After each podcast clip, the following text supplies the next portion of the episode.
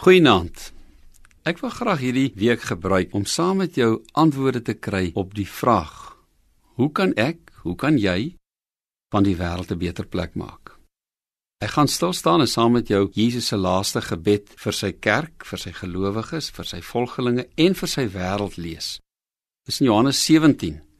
Want in hoofstuk 18 word Jesus gevange geneem, aangekla, oorgelewer en in hoofstuk 19 word hy oorgelewer om gekruisig te word.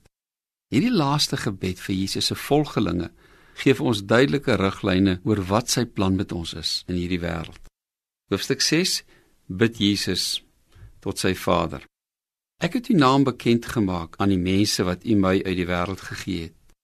Hulle het aan u behoort en u het hulle aan my gegee en u het hulle u woord ter harte laat neem. Nou weet hulle dat alles wat U vir my gegee het, van U afkom. Van die woorde wat U my gegee het, het ek vir hulle gegee en hulle dit aangeneem en tot die oortuiging gekom.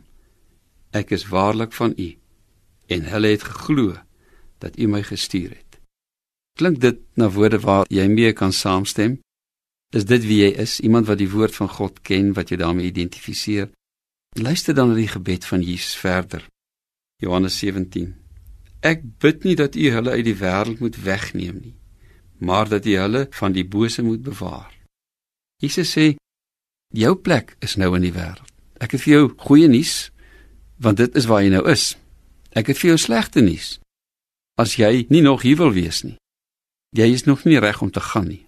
Hy sal jou kom haal wanneer jou tyd hier klaar is. Maar terwyl jy hier is, is hy juist die een wat gesê het: "Jy is hier om 'n verskil te maak." As jy wonder oor waar die Here jou wil gebruik, begin waar jy nou is. Dankie Here dat ons 'n voorreg het om hier te mag wees, maar ook 'n verantwoordelikheid het om hier 'n verskil te maak van hierdie wêreld. Help ons, gee vir ons wysheid langs hierdie pad in Jesus se naam. Amen.